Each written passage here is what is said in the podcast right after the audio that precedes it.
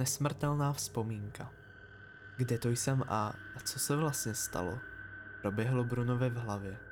Přestože byl velmi zmatený, nebyl ani malinko nervózní nebo vystrašený. Vlastně ani nevěděl, jestli zmatek, který cítí, je opravdový, nebo jde jen o reflex či vzpomínku, kterou se právě řídí jeho mysl, když se vyskytne v logicky nevysvětlitelné situaci. Nacházel se ve tmě, nic neviděl, na nic si zatím nemohl konkrétně vzpomenout a jakýkoliv pokus o logické vysvětlení, kde je a co se děje, selhal.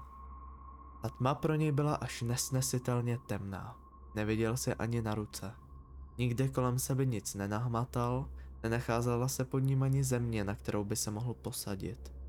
Znášel se v nekonečném prostoru plném tmy a prázdnoty. Nevěděl, jestli padá nebo se vznáší. Necítil žádnou část svého těla, dokonce ani neměl v hlavě žádnou stopu po jakékoliv emoci či vzpomínce. I on byl v tuto chvíli úplně prázdný jako prostor kolem něj. Takto se vznášel možná den, možná měsíc, ale třeba to byla jen vteřina. Čas pro něj byl pouze relativní. Po nějaké době, i když je možné, že žádná neuplynula, se z jeho podvědomí začaly vynořtovat vzpomínky na povrch. Začal se vybavovat, kým je, co tvoří jeho osobnost a kde žil. Bruno byl vždy tichou duší v oceánu dění.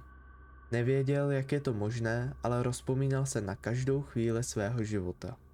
A postupně, jak se vzpomínky pomalinku draly na povrch, se objevila i jedna ukazující nejkrásnější den jeho života.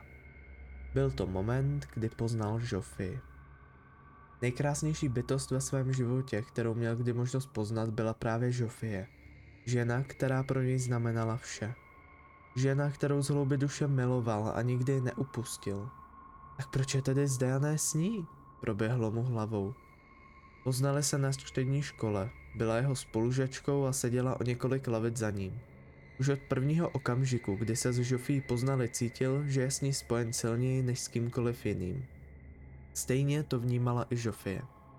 A jakmile měli tyto dvě zhřízněné duše trochu času pro sebe, trávili ho vždy společně. Ze začátku jako přátelé, poté jako manželé a nakonec, co vlastně bylo na konci? Brunovi stále unikala podstata toho, proč v tento moment není se svou láskou. Vzpomínky se neustále draly z Brunova podvědomí do mysli, ale vždy se v nějakém úseku zastavily.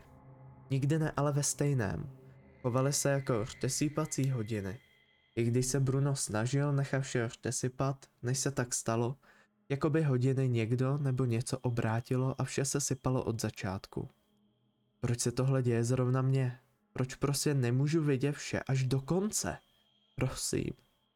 Zvolal Bruno plný hněvu a bezmoci. Utrápený svou vlastní myslí, která s ním stále hrála hru na vřtesípací hodiny. Tato prozba bylo to jediné, co mu stačilo k možnosti nahlédnout za oponu. Vzpomínka, která se jako jediná vydrala na povrch, pro něj ale nebyla nijak uspokojující. Naopak. Byla velmi děsivá, chladná, ponurá a možná i trochu smutná. Jako když vidíme krkavce sápat se drápy do útrob mršiny. Trvala dlouhé vteřiny, které se zdály tak nekonečné, až z toho málem zešílel. Než se ale stihl zbláznit, nastala tma. Temno bez hranic, bez konce a začátku, jen prázdný prostor, ve kterém se Bruno vznášel kdo ví jak dlouho. A nebo to byl jen krátký moment? Na tom už teď nezáleželo. Bruno se pomalu přibližoval smrti.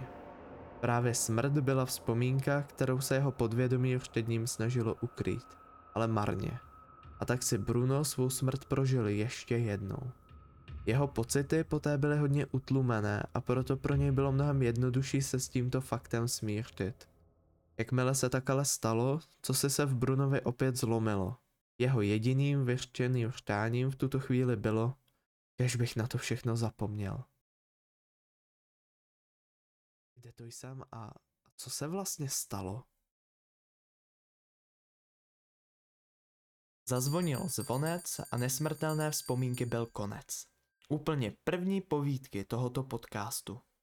Pokud se ti jeho příběh líbil, nezapomeň povídky ze zákoutí sledovat, aby ti neunikla žádná další epizoda. Zatím se měj krásně a uslyšíme se u dalšího dílu.